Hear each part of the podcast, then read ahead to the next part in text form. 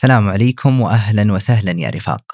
معكم محمد الشثري وهذا بودكاست جولان أحد مبادرات نادي كتابي بالتعاون مع شبكة مايكس للبودكاست.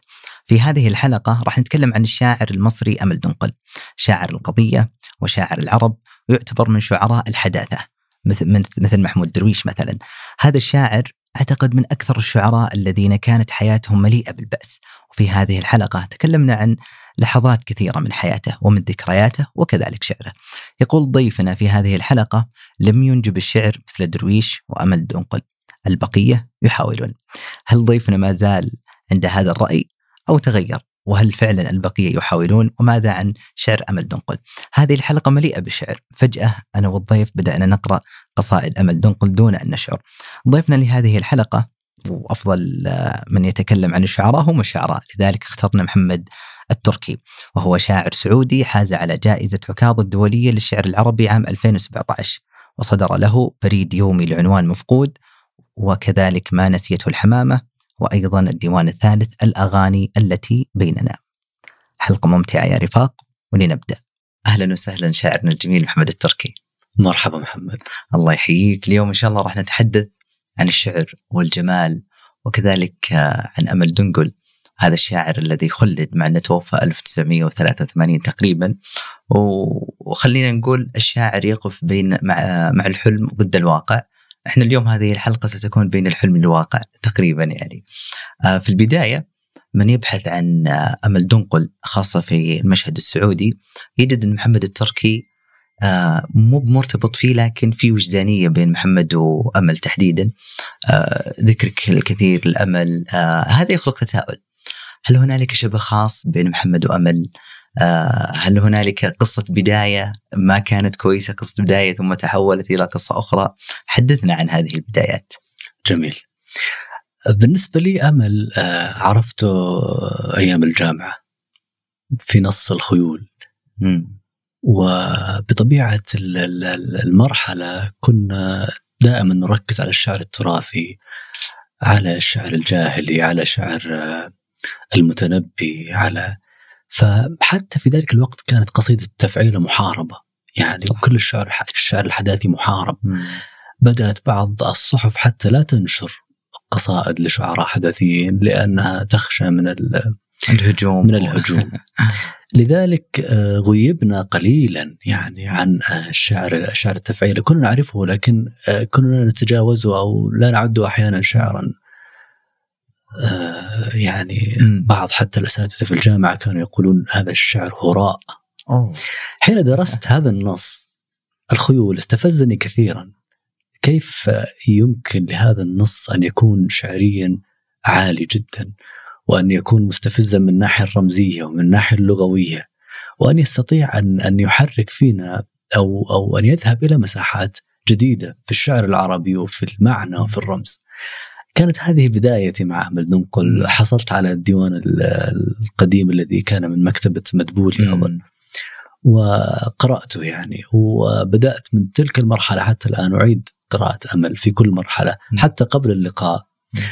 آه، عدت لقراءة أمل ووجدت كأني آه، أقرأ شعرا جديدا. لأنه طبعا الإنسان يتغير. وفي كل مرحلة أنت تقرأ آه، ستجد أنك تثقفت بطريقة مختلفة.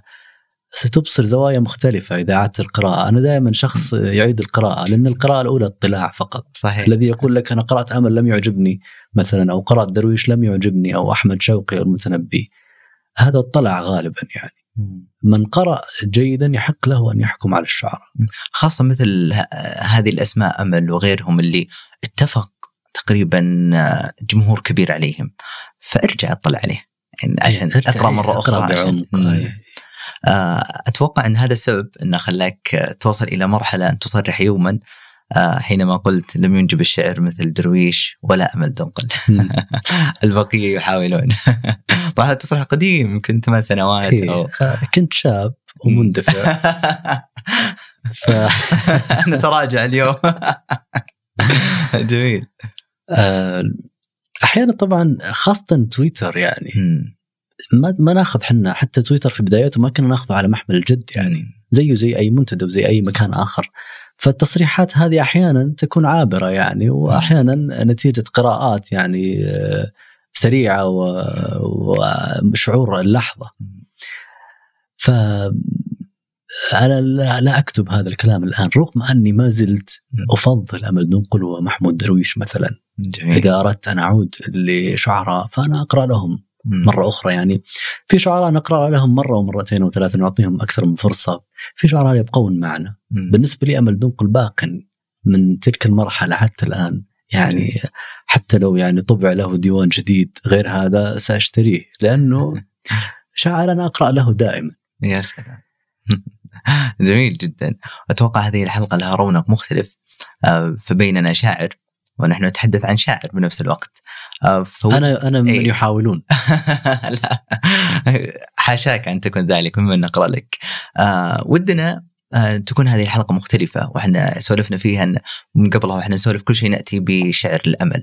آه ودنا نقرأ أحد النصوص التي وقفت عليها يعني خاصة ليس أنت فقط اللي أتيت بالديوان حتى أنا جبت بالديوان طيب ممتاز عشان نقرأ أنا وأنت.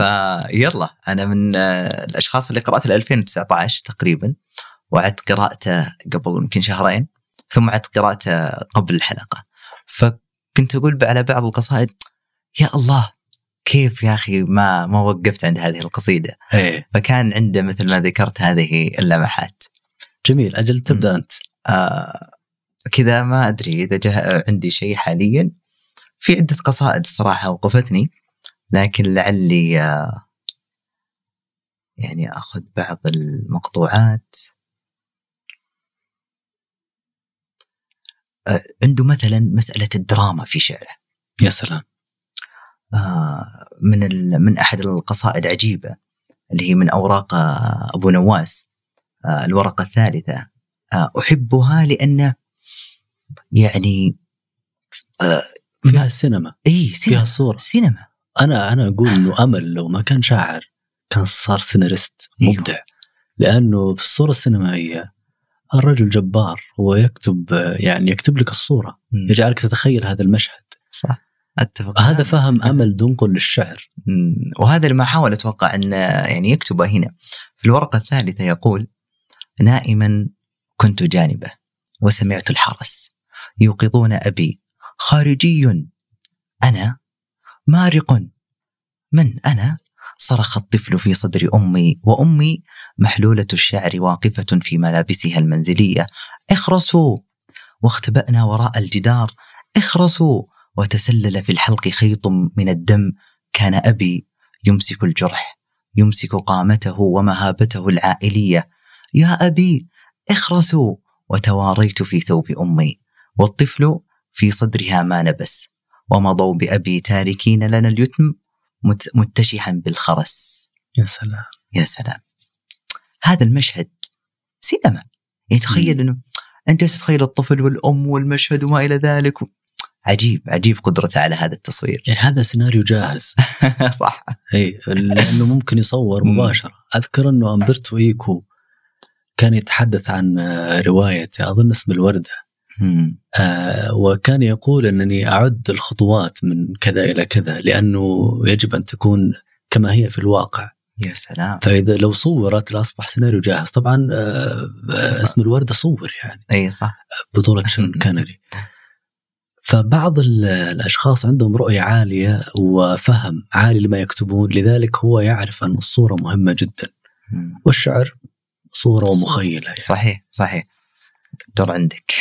طيب أنا ممكن أختار آه واحدة من القصائد الجميلة والتي أظن أن أمل وصل فيها لذروة الشعر. بالنسبة لتجربته الخاصة اللي هي ضد من؟ يا سلام. من أوراق الغرفة رقم ثمانية. في غرف العمليات كان نقاب الأطباء أبيض لون المعاطف أبيض. تاج الحكيمات أبيض أردية الراهبات الملاءات لون الأسرة أربطة الشاش والقطن. قرص المنوم أنبوبة المصل كوب اللبن كل هذا يشيع بقلب الوهن. كل هذا البياض يذكرني بالكفن. فلماذا إذا مت؟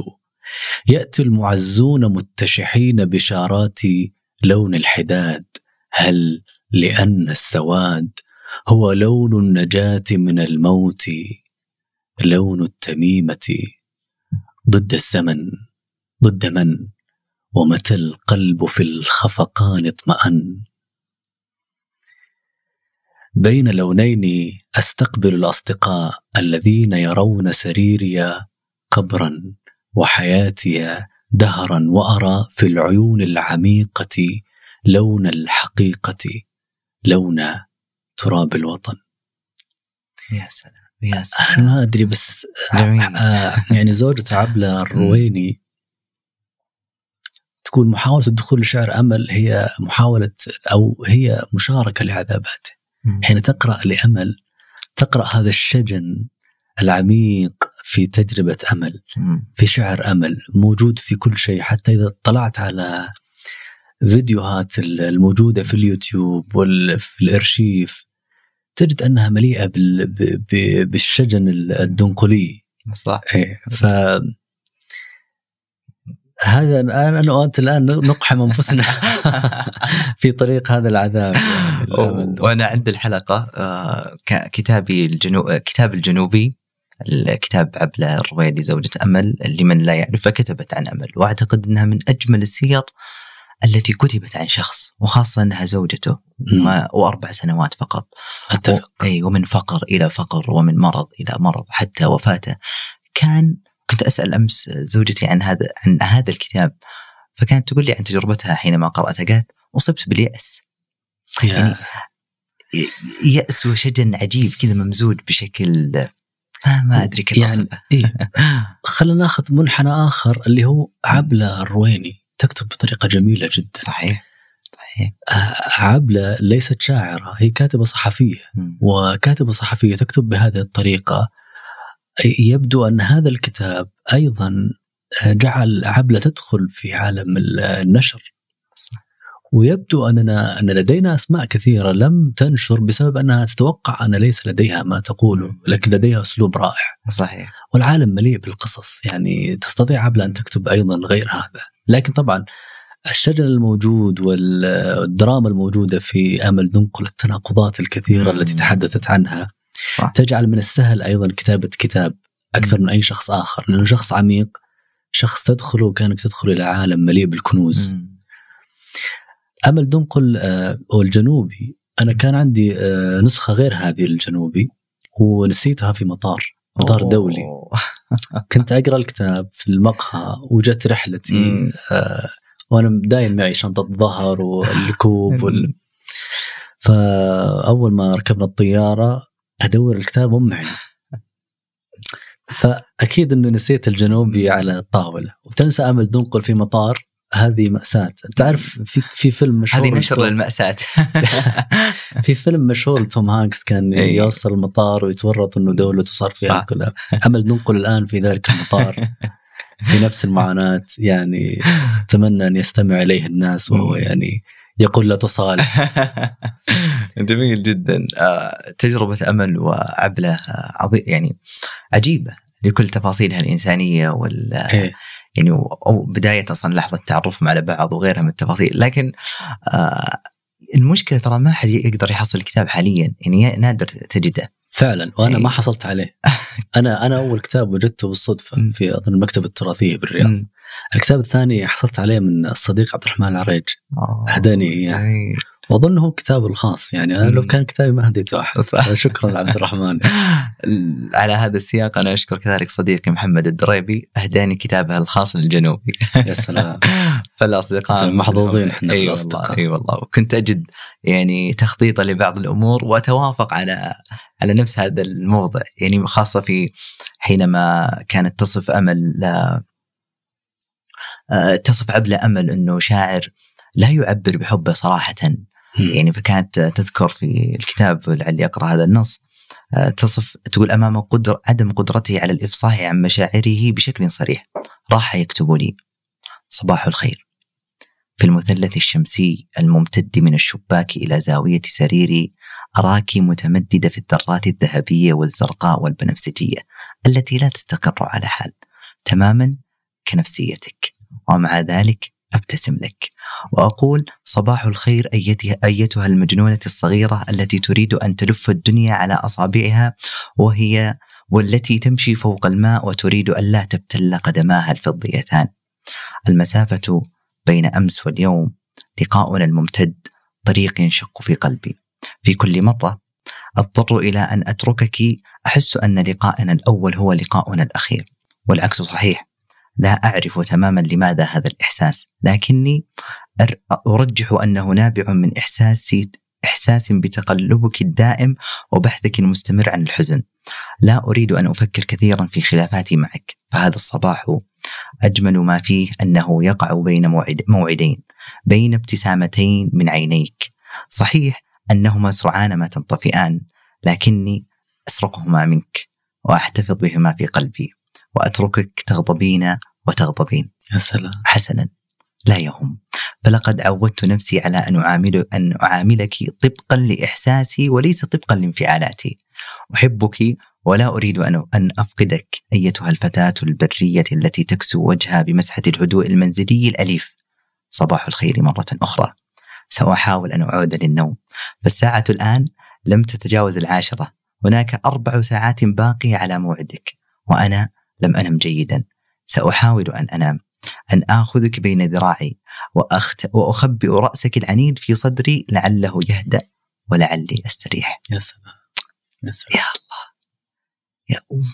ما هذا النثر؟ ما هذا التعبير؟ كأنه يقول أحبك لكن بطريقة غير مباشرة. هذا أصدق تعبير. يا سلام. عجيب. وهذه هذه طريقة أمل في التعبير. هو لا يحب المباشرة أبدا. رغم أنه صاحب مبدأ. ويتحدث عن مبدئه بطريقة آه، تجعل من هذا الحديث قابلا آه، قابلا للقول من عدة أصوات. يعني أنت تستطيع أن تستخدمه لك والآخرون أيضا يستطيعون استخدامه. هذا ما أراده أيضا محمود درويش في النص الأخير. لا أريد لهذه القصيدة أن تنتهي أريد لها أن تكون صلاة أخي وصلاة عدوي. يبدو أن هذا هو الفهم العميق للشعر الشعر أكبر من أن يعلق باللحظة. يجب أن يعلق في الزمن. هذا ما يجعل شعر المتنبي مثلا خالدا. لأنه لا يعني لا ينغمس في اللحظة ولكن ينغمس في الأبدية. عبلة كانت تنتظر قصيدة. أي. كانت تريد أن يكتب لها قصيدة وكتب وحق لها يعني. ترى. و ذات مرة يعني جاءها وقال كتبت عن قصيدة أخيرا. القصيدة هذه كانت مقابلة خاصة مع ابن نوح وعبلة غير موجودة في القصيدة لكنه وغضبت عبلة يعني وكتبت ذلك أنه لم أرى نفسي في القصيدة. فقال لها كيف لم تقرأي نفسك؟ أنت موجودة. كيف؟ وين؟ إيه فلو نقرأ النص. نقرأ النص. أنا أعرف النص فجالس أحاول أتذكر أبياته. أي اي نعم. ما, ما في ما في يعني. آه لكن هو له فلسفة يعني بالشعر لأنه إذا أراد أن يتحدث عن شيء لا لا يتحدث عنه مباشرة. ويبدو أن الطلب أيضا يجعله يذهب لمنعطفات أخرى بعيدة. يعني لا تصر على الشاعر أن يكتب عن شيء سيكتب لك عن شيء آخر. يا الله.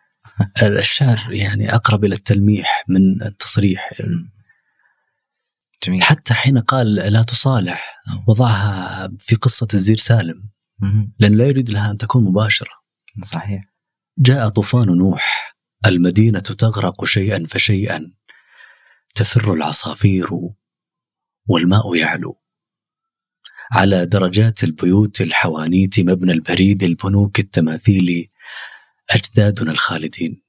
المعابد أجولة القمح مستشفيات الولادة بوابة السجن دار الولاية أروقة الثكنات الحصينة. العصافير تجلو رويدا رويدا ويطفو الإوز على الماء. يطفو الأثاث. هنا الصورة الدرامية الصورة السينمائية. ولعبة طفل وشهقة أم حزينة. هنا الربط بين الشهقة واللعبة. شيء محسوس وآخر. الصبايا يلوحن فوق السطوح. جاء طوفان نوح طبعا كل الكلام هنا كلام حديث والقصة طوفان نوح قديم قديم لذلك آه، يعني لا يتحسس الشخص من قراءة نص مثل هذا لأنه لا نوح ولا ابن نوح موجودين في النص. صح. والشعر عبارة عن إخراج التراث من سياقاته ونقل إلى سياق آخر تماما. هذه قصة مختلفة وهو في حديثه هذا يقول لك إنها قصة مختلفة. ها هم الحكماء يفرون نحو السفينة المغنون سائس خيل الأمير المرابون قاضي القضاة ومملوكه حامل السيف راقصة المعبد. ابتهجت عندما انتشلت شعرها المستعار. جباة الضرائب مستوردو شحنات السلاح عشيق الأميرة في سمته الأنثوي الصبوح. جاء طوفان نوح. ها هم الجبناء يفرون نحو السفينة. بينما كنت وكان شباب المدينة يلجمون جواد المياه الجموح ينقلون المياه على الكتفين ويستبقون الزمن يبتنون سدود الحجارة علهم ينقذون مهاد الصبا والحضارة علهم ينقذون الوطن. وأمل دنقل بالمناسبة يقول أنا شاعر وطني. جميل صحيح. أنا أنا والوطن ليس بمعناها السطحي لكن معناها العميق المجتمع والناس والحضارة والثقافة والأرض. صاحبي سيد الفلك قبل حلول السكينة أنج من بلد لم تعد فيه روح. قلت طوبى لمن طعموا خبزه في الزمان الحسن. وأداروا له الظهر يوم المحن ولنا المجد. نحن الذين وقفنا وقد طمس الله أسماءنا نتحدى الدمار. ونأوي إلى جبل لا يموت. يسمونه الشعب. نأبى الفرار ونأبى النزوح. كان قلبي الذي نسجته الجروح. كان قلبي الذي لعنته الشروح. يرقد الآن فوق بقايا المدينة وردة من عطن هادئا. بعد أن قال لا للسفينة وأحب الوطن. يا سلام. يا سلام. أنا انسجمت مع ثم ذكرت عبلة. وين عبلة؟ عبلة. عبلة يبدو أنها هي التعبير عن الوطن. يعني جميل. في هذه القصيدة. هل هو مخرج من أمل؟ يعني حتى تسكت عبلة عن الطلب. أو أنه حقيقة شعر بأنها هي الوطن. ربما يعني من معاني الوطن لدى أمل تنقل. عبلة. صحيح. وهذا يجعلني أسأل سؤال آه، ما الذي جعل آه، أمل دنقل إلى الآن خالدا؟ يعني هو توفى 1983 تقريبا ومرت 40 سنة آه وهو محارب. وأنت تعلم بهذا الشيء محارب جدا وكان يعني يمنع من الظهور في بعض القنوات والصحف وما إلى ذلك. مع ذلك خلد. ما زلنا نردد قصائده. جميل. يبدو أن هناك أسباب كثيرة طبعا جعلت أمل خالدا وأنا هنا لست ناقدا ولا باحثا ولا دارسا. أنا شخص اطلع على تجربة أمل من خلال ما هو موجود ولم أعش معه ولم يعني أدرسه بالعمق الكافي الذي يجعلني أحدد تماما. ومسألة الخلود هذه مسألة ما حد يعرفها يعني. ونستشهد مرة أخرى بدرويش يعني هو يقول تنسى كأنك لم تكن. يعني. آه ف ما الذي يجعل الشاعر خالدا؟ طبعا بالنسبة للأمل هو يقول ما جمعني بال... ما جمعني بالأبنودي هو هي الرهبنة في محراب الشعر. أنا لم أكتب شيئا آخر غير الشعر. هل هذا الشيء آه، آه، صحيح ومفيد وصحي للشاعر أو لا؟ أنا لا أعلم. أنا أنا لا لا أفعل الشيء هذا. أنا أكتب كل شيء. لكن هل التركيز على الشعر فقط آه، أيضا من الأسباب التي جعلت ربما جعلت أمل ننقل يفكر شعرا. كان يقول أن هدف الشاعر أن الحياة تكون شعرا والشعر يكون حياة. وهذا أيضا قاله أدونيس أنه آه، في وصفه للشعر الجاهلي أن الحياة كانت شعرا. لأن لأن الشعر كان هو الملف الذي يعودون إليه الناس. الذي يعود إليه الناس. الملف الذي يقرؤونه الملف الذي يكتبونه فيه حكاياتهم صيدهم آه، مغامراتهم. حتى قطاع الطرق والسراق كلهم أيضا يعودون إلى هذا الشعر، الشعر هو كل شيء. فربما أن أن أول سمة لدى أمل هي الرهبنة في محراب الشعر. جميل. من من الأشياء التي ستطالعك عند أمل هي احترام اللغة. في في كثير لدى كثير من الشعراء مشاكل لغوية تمنعهم أيضا من الصعود في الشعر. أمل لا، أمل متمكن لغويا يستطيع أن آه، يسيطر على اللغة لا أن يجعل اللغة تسيطر عليه. بعض الشعراء الذين تعمقوا في اللغة سيطرت عليهم اللغة ومنعتهم من قول الشعر. لأنك حين تحترم شيئا احتراما مبالغا به فستخسر يعني مثل برشلونة قدام بايرن ميونخ.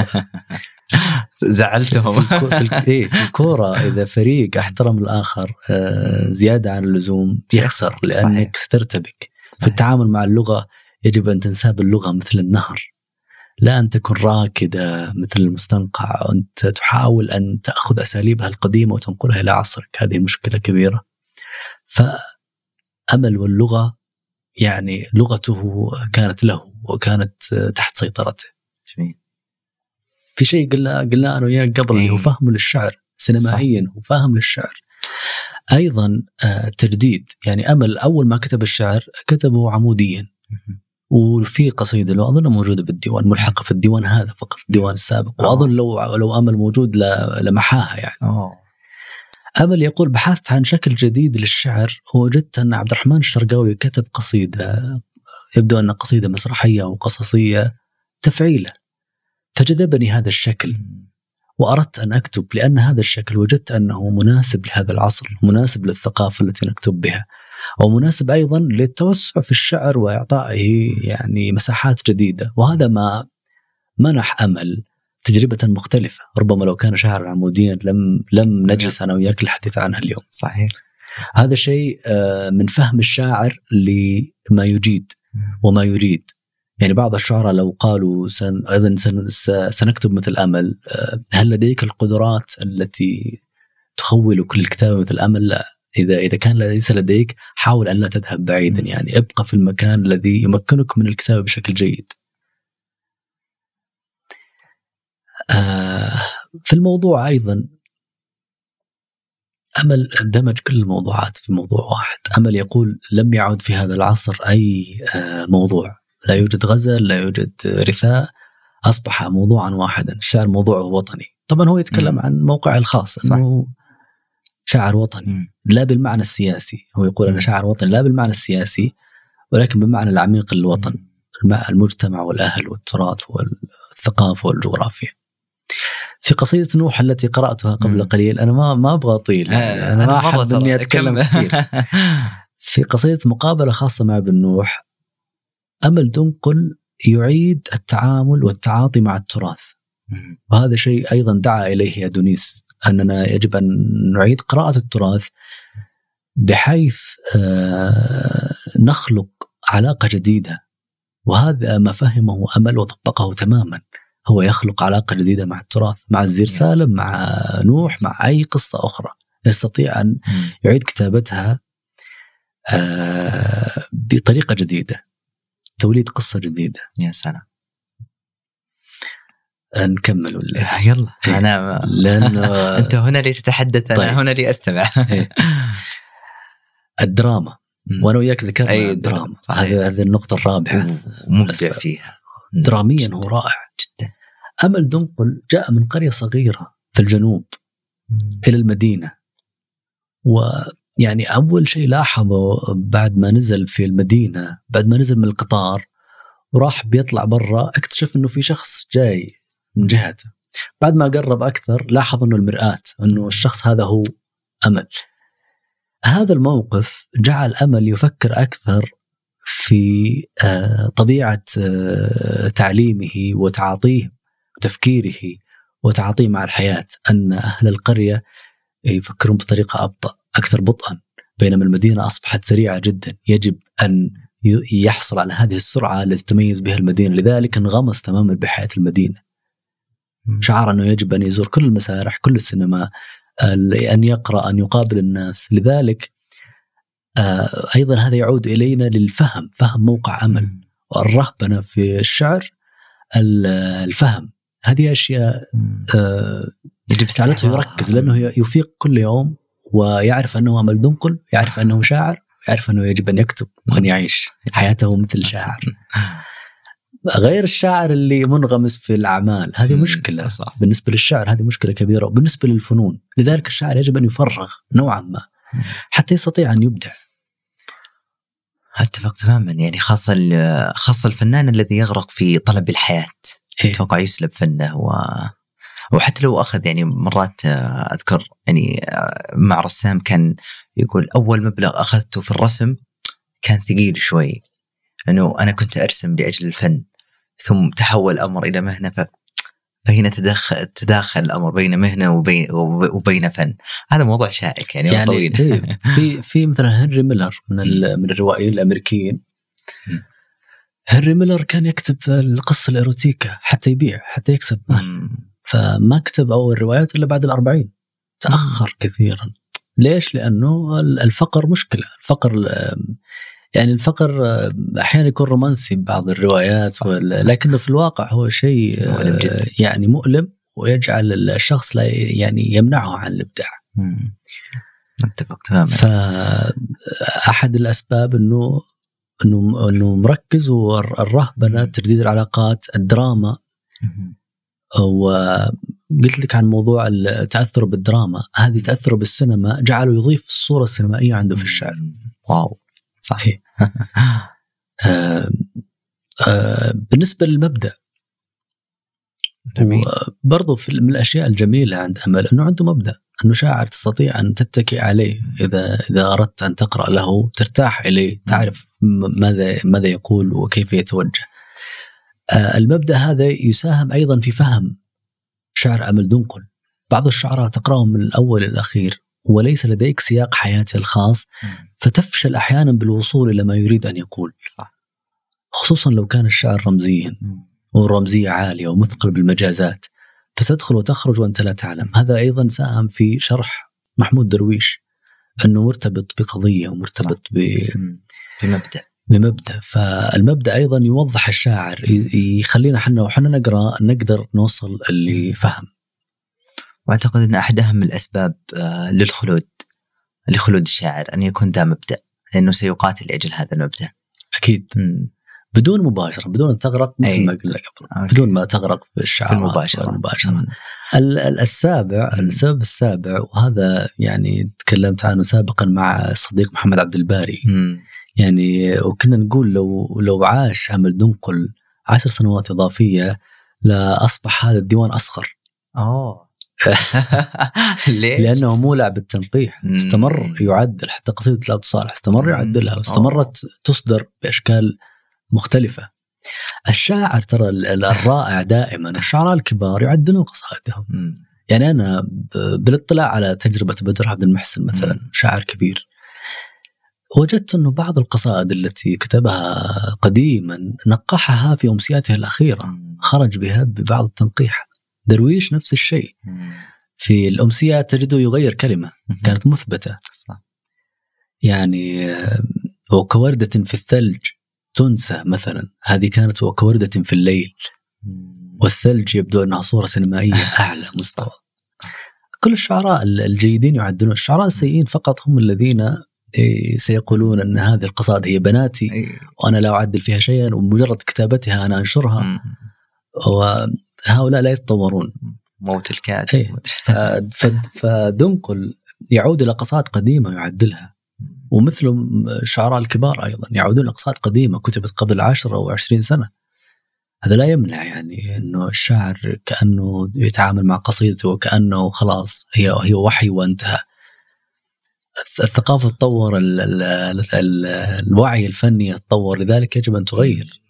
ممكن حتى مسألة السلطة. مرات سلطة الناقد مرات سلطة رئيس التحرير مرات سلطة من مم يعني من خلينا نفترض إذا طرحت نص. اليوم مثلا تقدر تنشر. سابقا كان النشر لازم مثلا عند صحيفة. م. ففي سلطة عليك رئيس التحرير احذف عدل بدل. آه اليوم ممكن هذه الأمور آه يعني توسعت أو ما عاد في تفاصيل لكن تحولت إلى سلطة جمهور. فصار بعض الشعراء يذهب لا يكتب نفسه ولا يكتب شعوره بل يكتب لأن تلك النغمة ناسبت جمهورا ما فأعاد كتابتها. هل يعني هذه الأشكال من الشعر أو المسارات آه، جيدة للشاعر؟ أو يجب أن يعيد الشاعر مراجعة نفسه كل مرة؟ يعني بالنظر مثلا امل دنقل كان يشطب كان حتى اسمه يشطب من الصحف رغم أن زوجته كانت تعمل في الصحيفة لأنها كانت لا تستطيع إيراد اسمه. فال قديما كان هناك سلطة للناقد، كان الناقد يكتب في الصحافة، كان رئيس التحرير آه، يعني يشاهد القصيدة يشطب ويغير فيها.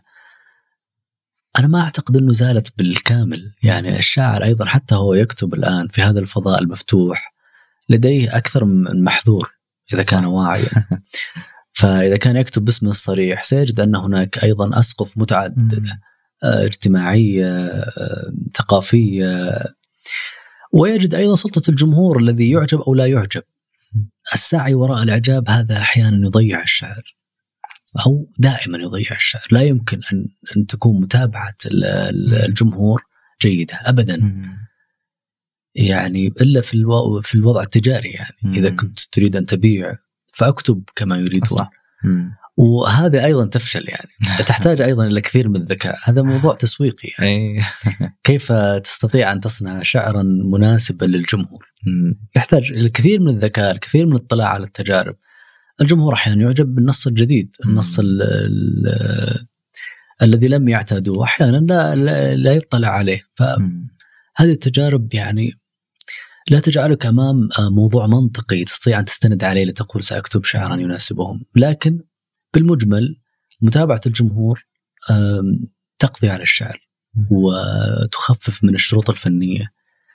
هل كانت المرحلة السابقة مرحلة رئيس التحرير أفضل أو المرحلة الحالية أفضل؟ هذا سؤال يجب أن يعني يجيب عليه غيري لأني أنا نفسي أبحث عن ذلك يعني خصوصا من عاش تلك المرحلة من أرسل قصائد وأنا لم أرسل أي قصيدة في السابق.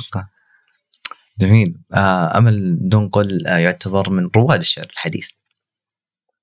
ويعني ومحمود درويش وغيرهم من الشعراء والهجوم اللي كان سابقا عليه ويعني تفاصيل كثيرة. الشعر الحالي آه يعني أمل دنقل حينها هل ولد له جمهور جديد؟ وكان لون جديد وكان يعني عليه نقد إنه كيف تترك التراث وما إلى ذلك خاصة إنه كان أصلا يعني تربى يمكن عائلته كانت محافظة وما إلى ذلك فتحول إلى هذا الشيء كأنه م. تحول شامل لكل شيء. آه هل الشعر الحديث يولد جمهورا جديدا يعني يتناسب معه؟ آه وهذا سؤال أيضا آه، كبير ومطروح الآن، هل الشعر ما زال يعني نشاهد أنه أنه شعراء توفي مثل محمد الثبيتي الله يرحمه. مثلا آه أصبح له شعراء بعد ما مات. يعني ما أعتقد إنه في حياته يعني كان له هذا الزخم يعني. صحيح. هل ننتظر نحن الشعراء حتى يعني الموت لنتذكرهم ونقرأ قصائدهم؟ ربما. الموت أحيانا إعلان كبير آه لبقاء الشاعر. إنه الشاعر هذا موجود. سنقرأ له ماذا كتب. انتباه. هل يولد آه جمهور جديد؟ يعني حين وصل الناس إلى القمر آه طرح هذا السؤال. هل في يعني وحتى شتم الشعراء ماذا تقولون عن القمر؟ تشبهون حبيباتكم بالقمر. القمر بشع بشع. غاية في البشاعة. وأصبحت هناك يعني حرب ضد الشعر إنه إنه يجب أن نركز على العلوم أكثر من الشعر. بوجهة نظري إنه دائما يولد جمهور جديد ودائما يفاجئ كل جيل بأنه يلجأ إلى الشعر لأن الشعر ضرورة حياتيه، مم. الشعر موجود في كل أشكال الثقافة العربية. أنا لا أدري من قال لكن ليس عربيا من لم يحاول أن يكتب بيتا. أظن الجرجاني والله أعلم. جميل جدا. شاء رب القدر أن تنتهي هذه الحلقة بظروفها وكأنها نهاية كنهاية أمل دنقل. نهاية قبل أوانها. لكن لا يسعني سوى أن أتمثل لنصيحه هاملت عندما طلب من صديقه هوراشيو وقال: إذا كان قلبك قد احتواني يوما فلا تمت. واروي عني. أنا هاملت أمير الدنمارك. وها هو ذا قلب التركي. قد أحب وتفهم الشاعر أمل دنقل. الشاعر الجميل وقوي الكلمات. الإنسان الرحيم والقاسي إذا ما لزم الأمر. أمل الذي عاش ومات ولم يقل نعم لأي عصر عاشه ولم ينحني. خالص شكرنا لضيفنا الأستاذ محمد التركي. وحقيقة مهما تكلمنا عن دنقل لن نوفي حقه الشعري. وكما قال ضيفنا الرحمات لابتسامات أمل دنقل. بكبريائه الأنيق يضع حياته خارج السياق ويذهب إلى القصيدة منتصب القامة يمسح عرق المرض ويتلمس الطريق نحو المعنى. دامكم وصلتوا إلى هذه النقطة لا تنسون الاشتراك ومشاركة الحلقة لمن يهمهم الأمر وفي أمان الله.